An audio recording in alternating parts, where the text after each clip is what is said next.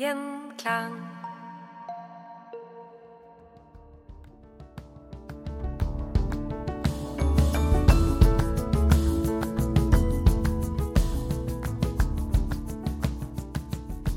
Velkommen til en ny episode av Historier som endret Norge. I dag har vi fått besøk av min kollega Marianne Moe. Og det Marianne, det er fordi denne episoden skal handle om noe jeg i hvert fall ikke kunne klart meg eh, uten nå i sommer. Fryseboksen og kjøleskapet. da. Det henger jo litt sammen, dette her. Og så må vi jo også snakke om, litt om hvordan man gjorde det før vi fikk dette tekniske vidunderapparatet inn i hus. Eh, og dette har du lest en del om? Ja, for jeg er jo eh, litt sånn nerdete av meg, så jeg har blitt helt oppslukt av uh, akkurat dette her. Og, og, jeg må jo si at du er nok ikke helt alene om å, å føle det at et liv uten skal vi si jevn tilgang til kjøle, drikke, mm. is og isbiter uh, på disse kokvarme dagene som vi har hatt uh, nå i sommer, for eksempel. Det hadde vært tungt. Det tror jeg hadde vært vanskelig for de fleste av oss. Litt sånn godt vante i dag. Ja, hva gjorde man egentlig for å bevare maten før kombiskapets tid? Ja, det var et enormt styr. Altså Enten så ble jo maten saltet, syltet, røkt, hermetisert. Alt måtte jo eh, konserveres på en eller annen måte. Um, og så ble jo det da avhengig av hvilken vare det var lagret i jordkjeller og på stabbur og i spisskammeret osv. Hadde man noen måter å kjøle ned maten på? Ja, Der gjaldt det jo å være oppfinnsom. Sånn at eh, hvis man hadde en liten bekk på eiendommen, så kunne man jo kjøle enkelte varer i rene vann. Mm. Men eh, det var jo ikke alle som hadde det, og det var jo heller ikke alle varer som var egnet eh, til å bli kjølt ned på den måten. Så når man hadde tilgang til eh, naturlig is, da ble det utnyttet maksimalt. Ja, Hvordan utnytta man det maksimalt? Altså, mange steder så rett og slett samlet man eh, is fra vann og innsjøer eh, på vinteren, og så bygget man såkalte ishus, eller altså en slags isboder, da. Egne hus eller rom som ble bygget for å oppbevare naturis i store blokker, sånn at det kunne lagres lenge, og så brukte man da denne isen utover sommeren og høsten. Ja, så det smelta ikke? Eh, altså disse ishusene eller isrommene de var jo veldig godt isolert. Eh, de hadde både doble vegger og gulv og tak, og gjerne med sagflis eller halm da, som isolasjonsmateriale i mellomrommene. Men det er klart at dette var jo ikke rom som man bare kunne åpne når som helst. Eh, gjorde man det veldig mange ganger, så kom det jo ofte varm luft inn, ikke mm. sant. Og når den trengte inn, så tinte jo isen fortere. Så disse ishusene og isrommene de ble egentlig bare åpnet når det var høyst nødvendig. Vi har laga en episode i, i, fjor som vi kalte 'Den siste istid'. Der kan du høre mer om de som jobber med is i Norge. Den finner du om du scroller deg gjennom episodene eller søker 'Den siste istid' i podkastspilleren din. Men for de som ikke har hørt den, Marianne, helt enkelt, hvordan foregikk denne isdriften? Hvordan, hvordan gjorde de det? Altså når isen var blitt eh, tjukk nok, så gikk man eh, rett og slett ut på den og skar ut eh, passende store blokker. Og på disse store profesjonelle anleggene så ble jo da først eh, bredden på isstykkene skåret ut, sånn at eh, det ble et langt, eh, rektakulært stykke som man ofte kalte for en rebbe. Og dette var jo veldig, veldig tungt arbeid, så de brukte jo som oftest hester og selv for hestene kan vi vel si at uh, dette var, var, hardt arbeid. Det kan vel ikke ha vært uh, bare bare å flytte den isen heller? Nei, for uh, etter at denne rebben var løsnet med et spett for disse firkant, skulle jo være akkurat like store, disse isblokkene. Så ble de da fløtet til et sted som ikke lå så langt ifra der hvor de skulle tas opp på land og bli fraktet videre. Og der måtte det muskler til, for her ble da disse blokkene skåret for hånd i terninger av 60 ganger 60 ganger 60, for eksempel. Og eh, det var også ganske tunge blokker, så det var ikke helt ufarlig. Hver eh, blokk kunne jo fort eh, veie rundt 200 kilo. Ja, Det hørtes ut som tungt arbeid, og ikke helt ufarlig heller, som du sier. Nei, dette var definitivt ikke en jobb for, for pyser, for det var, det var tungt, det var farlig. Sjansene for å få en isblokk over seg eller å rett og slett ende i dette kalde vannet var jo absolutt til stede. Ehm, det var nok mange som var glad for at det fantes profesjonelle folk som eh, gjorde denne isskjæringsjobben for eh, vanlige folk, at de slapp det, spesielt i byene, da. Der kunne man jo da kjøpe isen, og man trengte ikke å skjære den ut selv. Hvis, eh, hvis det er flere med meg som har sett Frost-filmen eh, en eller to Ja. ganger, så vet man jo at det, der, der eh, er det noen bilder av de som er ute og ho- hogger på, på isen. Men eh, sånn rent historisk så skal vi ikke henge oss opp i den filmen for mye. Men fantes det mange sånne isskjærerfirmaer på, på denne tiden? Ja, de gjorde jo det. I eh, Oslo eksempel, så var det fire firmaer bare i Groruddal eh, alene som drev med dette her. Så det var ganske vanlig å drive med isskjæring eh, langs kysten sånn ja, på 1920- og 1930-tallet. Men på landet, hva, skar de det sjøl, eller var det liksom business der òg? Nei, på gårdene så var man sjølhjulpen, holdt jeg på å si. Der, der lagde man eh, ofte også til og med en egen eh, kunstig isdam, sånn at man lettere kunne på en måte, jeg vet ikke om jeg kan si sanke isen, da. Men eh, de gjorde det litt lettere for seg selv, og så lagret de den. Og det var jo mange melkebønder som også gjerne brukte denne type isdammer til å kjøle ned melk i, i gamle dager. Ja, så is ble rett og slett butikk, da. Men hvem var kundene? Det var jo veldig mye som ble brukt til transport. Altså sant, mat skulle fraktes, og kjøtt og fisk eh, måtte holdes så fersk som mulig. Isblokker ble tidligere også brukt til kjøling i meierier, og det ble brukt til kjøling på sykehus og hos eh, hoteller og i konditorier. Det var veldig mye, og fra rundt sånn 1850 så eh, ble jo også isen tatt i bruk til å konservere matvarer om bord i skip. Og så var det jo selvfølgelig da privathusholdninger eh, som brukte is for å oppbevare maten da i såkalte iskasser eller isskap. Ja, hva var det?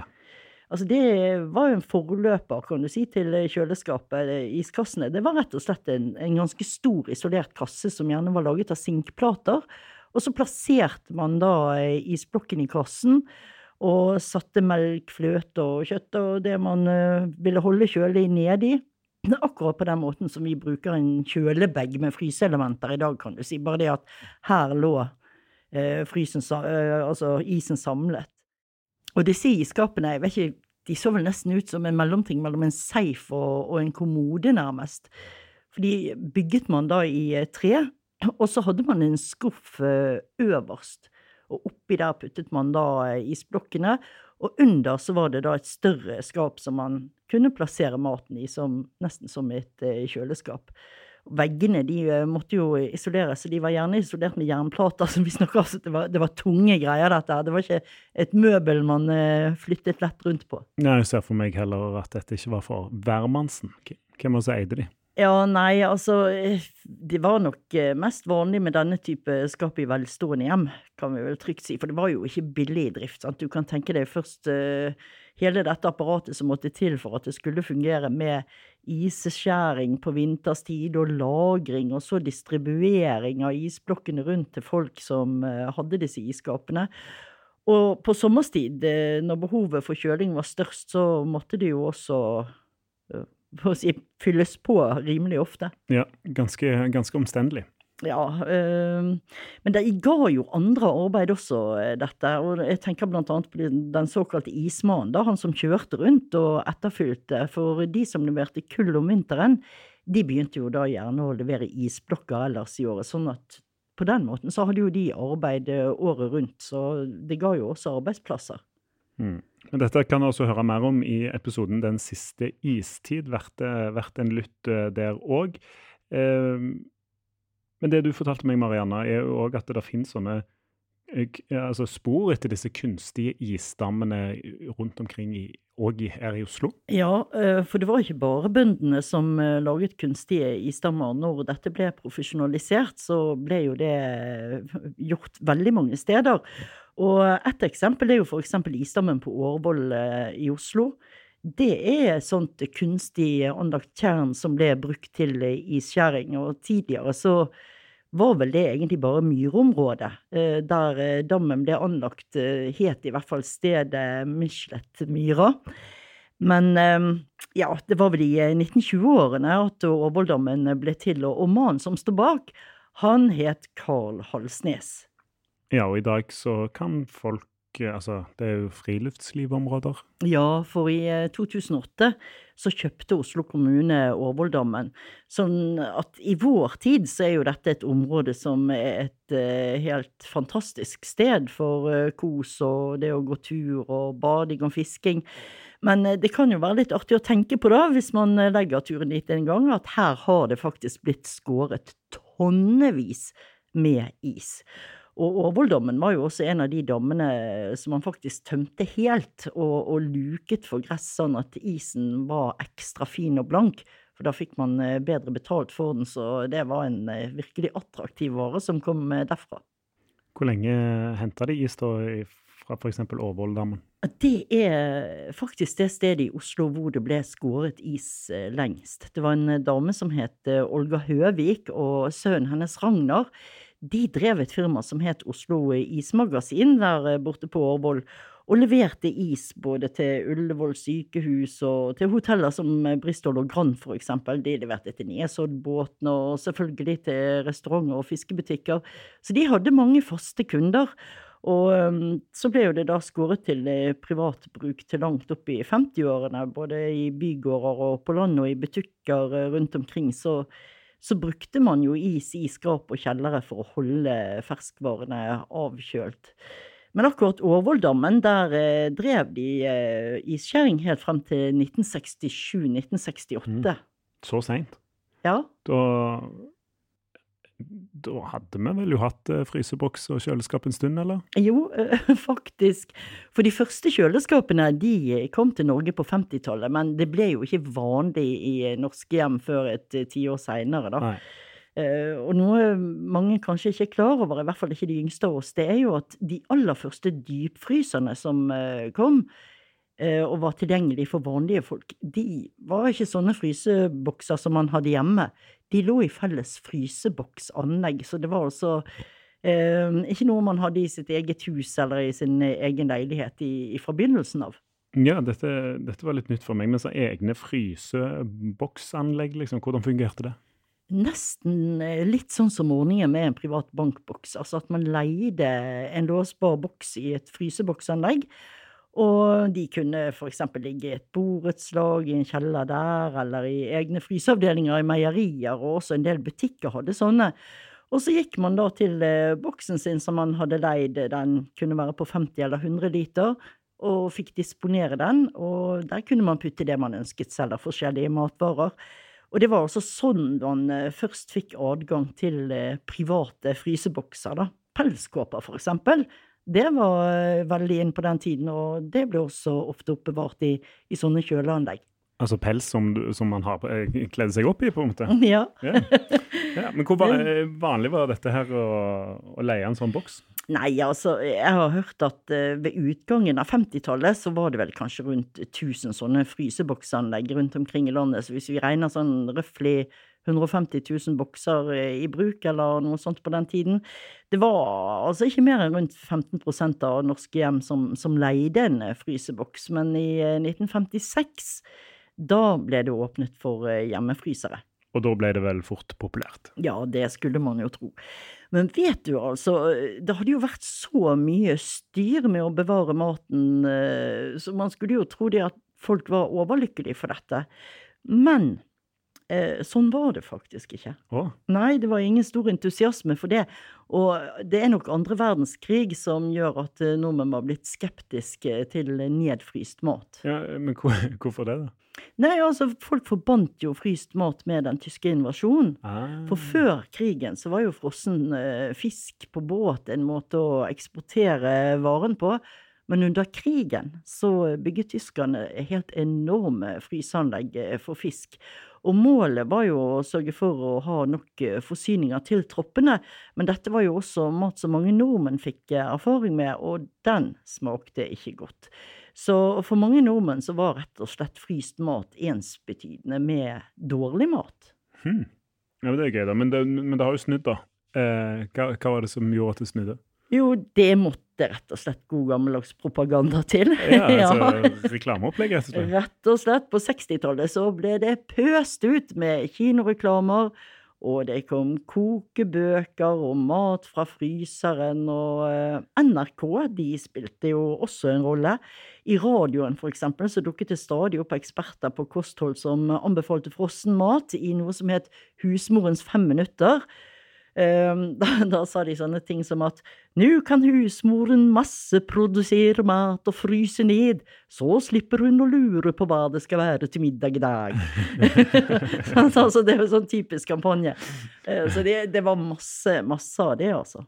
Ja, så, så uh, vi har radioen å takke da, for at uh med, med, den største selvfølgelighet kan hente oss en, en, is fra vår egen fryseboks i dag, da. Ja, radioen har i hvert fall bidratt med sitt. Og, og, det som er litt gøy, det er jo Husker du eh, Rolf Kirkvåg?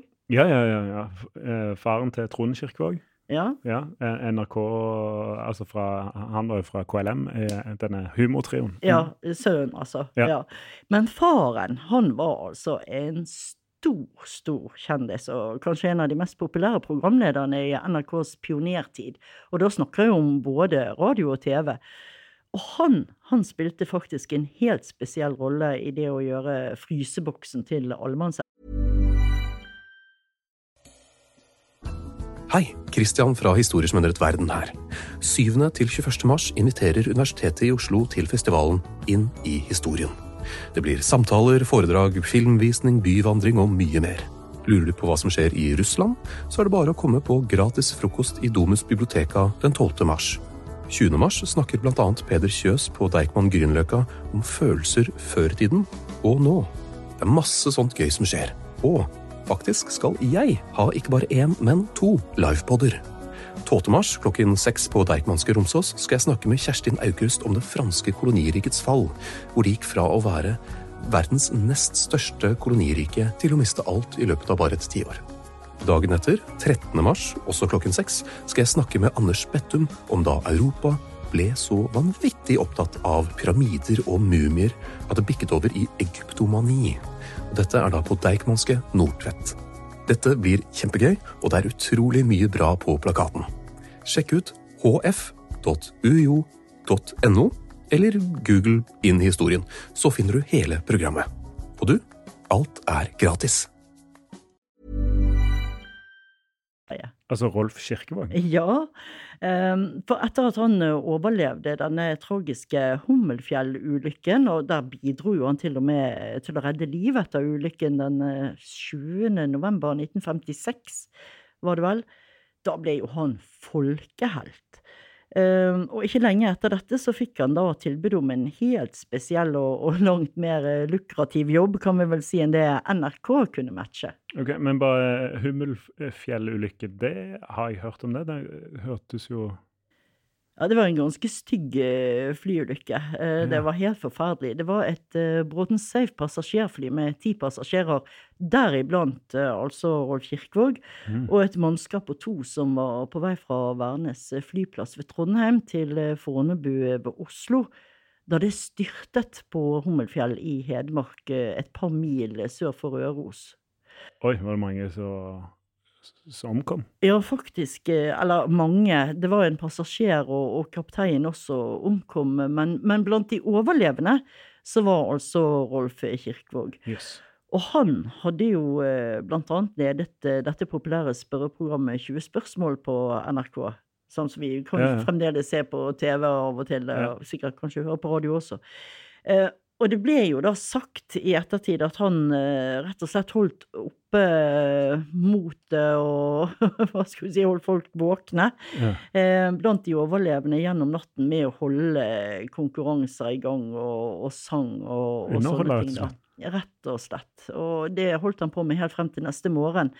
Da gikk han altså, det er jo ikke rart at mannen ble helt, med brukket ankel gjennom kjempedyp snø sammen med en av de andre medpassasjerene for å, å skaffe hjelp. Men det må jo være folk som har vært ute og, og leid etter dem? Og... Jo da, altså de hadde jo det. det. Folk søkte jo, og det var to menn som hadde gått på ski fra Hodal i Tolga, som fant disse fotsporene til eh, Kirkvåg og, og medpassasjeren hans. Så de ble altså funnet og fulgt ned til bygden av den ene mannen, da, mens den andre redningsmannen eh, Han tok seg fram til flyvraket og fant de overlevende, og dro så tilbake igjen til bygden for å, å hente hjelp. Så på kvelden så ble jo de overlevende reddet ned fra fjellet. Ja, og, og etter dette så bestemte Kirkevåg seg altså for at det var på tide med en, med en annen jobb, da. Og og da ble det frysebokser? Ja. altså noe måtte jo gjøres for at uh, vi nordmenn skulle ta i bruk uh, denne fryseteknologien. Og det som skjedde var jo at et firma som het Frionor og Findus, som vi fremdeles kjenner i dag, og også noen uh, fryseboksprodusenter, de slo seg sammen og så etablerte de det som ble kjent som Dypfrysningskontoret. Ja, Dypfrysningskontoret. Ja, Ikke verdens mest sexy navn, kanskje, men Nei, eh, det kan nesten høres ut som en sånn gammel sketsj av Harald Eidesteen jr. Ja, ja, ja. og co. ikke sant? Men i 1958 så ble altså Rolf Kirkevåg direktør for dette da nystartede kontoret Dypfrysningskontoret. Og han jobbet iherdig, så i løpet av eh, et år så samlet han over 20 000 husmødre, og hadde da informasjonsmøter om eh, frossenmatens fortreffelighet, om hvordan man skulle merke varer, og hvordan man skulle pakke det og i det hele tatt massevis av informasjon før man eh, ja, mente da disse kvinnene trengte. Men hvordan takla de dette i NRK, da? For det var vel eh, ikke De er jo ikke spesielt glad i blanding av, av roller, og kanskje ikke heller på den tiden? Nei, Nei, altså i den første tiden som eh, direktør for dette dypfrysningskontoret, så ble han rett og slett boikottet av eh, NRK. For de fryktet jo, som du antyder, at eh, kanskje han ville utnytte kringkastingen i reklameøyet med. Men etter hvert så vendte jo han likevel med jevne mellomrom tilbake igjen både til radio og TV, og hvis man husker de som er gamle nok, da, fra 1969 til 1990 så jobbet han i NRK, og eh, blant annet da for programmer eh, som Sjunkel Rolf. Den var, en serie som han skapte sammen med Birgit Strøm og, en veldig populær dukkefigur som hun hadde, som het Titten Tei. Og så ble han jo også leder i radioens underholdningsavdeling fra 1972 til 1985, så det er ikke så lett når du har drevet med radio og TV å få det ut av blodet. Så han ble nok eh, ja, fryseboksen må, må tapte nok der til slutt for han. Ja, ja du kjenner det igjen, kanskje. Men da var det altså slutt, for, uh, altså slutt på fryseboksperioden, da, for, for hans del? Ja, og han hadde jo egentlig gjort den jobben, for uh, allerede i 1962 så begynte jo dette salget av hjemmefrysere å ta av. Og hvis vi da spoler frem til 1965, så var det over 250 000 norske husholdninger som hadde en egen uh, hjemmefryser. Så da uh, var det blitt langt mer vanlig blant folk. Ja, Så dette hadde folk råd til, da? Altså En fryseboks den gangen, det må jo ha kosta litt? Ja, det var en helt annen pris enn i dag. altså Det var flere månedslønner for en vanlig industriarbeider å, å bruke på en, eh, en fryseboks. Og uten de avbetalingsordningene som kom på 60-tallet, så hadde nok eh, ikke fryseboksen blitt eh, noe for alle og enhver. Folk ble jo også utsatt for, for et massivt reklamepress for sin tid, da.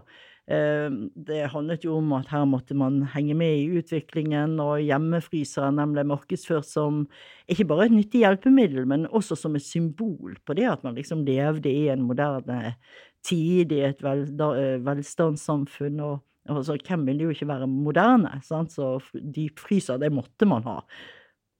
Men hvordan uh, brukte folk disse? da? Var det, en, var det en annen måte enn det vi kjenner kjenner det til i dag, liksom? Ja, at dette kom jo fra Amerika, og der var det jo helt eh, For å si vanlig at de gikk i ferdigmat, ikke sant? Men eh, vi er jo litt annerledes her i Norge.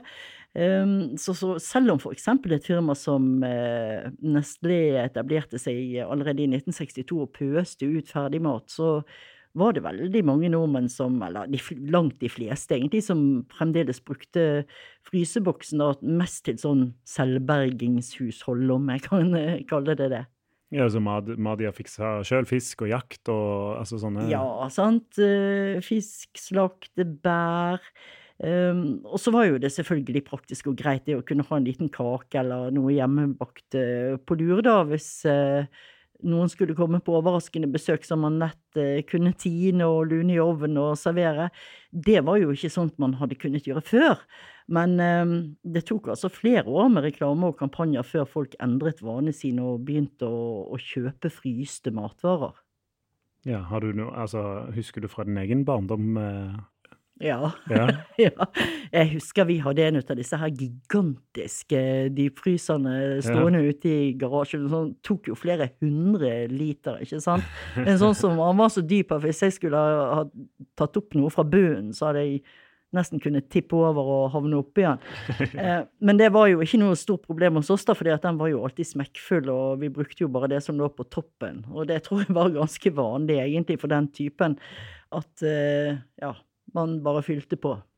Ja, og når man endelig bestemte seg for å tømme den, så, så kunne det plutselig dukke opp en gammel torsk fra et annet tiår og ei høne fra en, fra, fra en bestemor, holdt jeg på å si. Ja, ikke sant? Altså, de fleste trengte jo ikke sånne store frysebokser, for uh, maten den ble jo ofte bare glemt og gammel og uinteressant oppi der. Så jeg tror nok at uh, for mange så ble disse store dypfryserne egentlig uh, ja, altfor store, men eh, kanskje det appellerte litt til denne sankeren i oss. Sant? Altså den tryggheten i at ah, vi har nå alltid noe i fryseren, ikke sant. Um, og det er jo litt uh, rart med dette her, hvordan ting egentlig går i sirkler. For i dag i byene så bygges det jo mye mindre. Sant? Altså hver enhet blir stadig mindre. Man har ikke plass til disse store monsterfryseboksene. Så forskere har jo eh, registrert i dag at disse gamle bygårdene fra 50-tallet med sånne felles eh, fryserom i kjelleren, de har faktisk opplevd en eh, renessanse igjen, de. Ja, det, det ser jeg litt for meg, for det er jo ikke alle som kan ha plass til en sånn dypfryser som, så, som du hadde da i garasjen. Nei, sant? sant. Altså, det er den lille du har, eller dette Mm. kombiskapet som er todelt, sant. Og det holder jo som oftest plenty for de fleste familier av vanlig størrelse. Mm. Hva vil du si at fryseboksen og kjøleskapet har endra Norge? Absolutt. Altså, én ting er jo at det betydde slutten for, eh, for det som vi var innom eh, tidligere, denne lukrative isdriften, men rent sånn kostholdsmessig så ble jo det en stor forandring til eh, det bedre. Så på 1950-tallet og begynnelsen av 60-tallet også, så handlet det jo nesten bare om, om fisk, for det kjøttet eh, kom jo til seinere, da. Ja. Salt og røkt og tørket fisk det ble jo da gradvis erstattet av frossenfisk. Og fisken ble også tilgjengelig for mange flere året rundt, noe som eh, vi ikke hadde hatt eh, muligheter til før. Så enkelt og greit så kan vi vel si at vi begynte å spise mer fisk. Og det gjorde jo også at eh, fiskebonden ble heltidsfisker. Så med fryseteknologien så fikk vi en havgående fiskeflåte. Den sysselsatte massevis av folk, og så kom ferdigmatindustrien på banen. Og frossenmatprodusentene de eh, ga jo selvfølgelig også mange jobb. Supermarkedene begynte å eh, vokse frem, og vi spiste mindre salt, fordi saltingen av maten som man hadde måttet gjøre før for å kunne holde den, det ble jo i mange tilfeller unødig og erstattet med frysing da istedenfor. Så jo da, ja, og så var det vel noen som bytta ut fisk med Grandiosa òg. etter hvert, ja. Ikke minst. Altså, nå i dag så er det jo eh, kortreist og fersk mat av høy kvalitet som er veldig hot, da.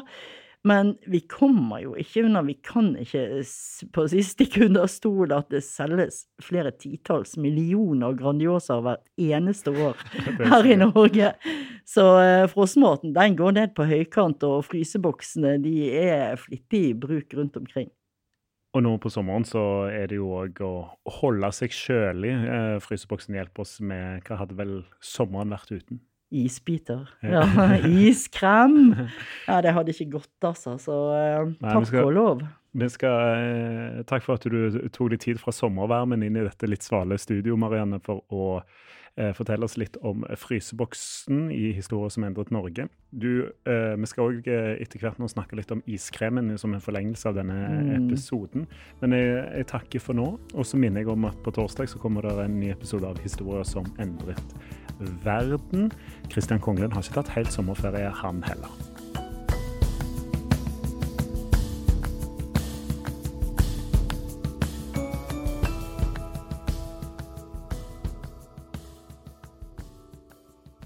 Gjenklang.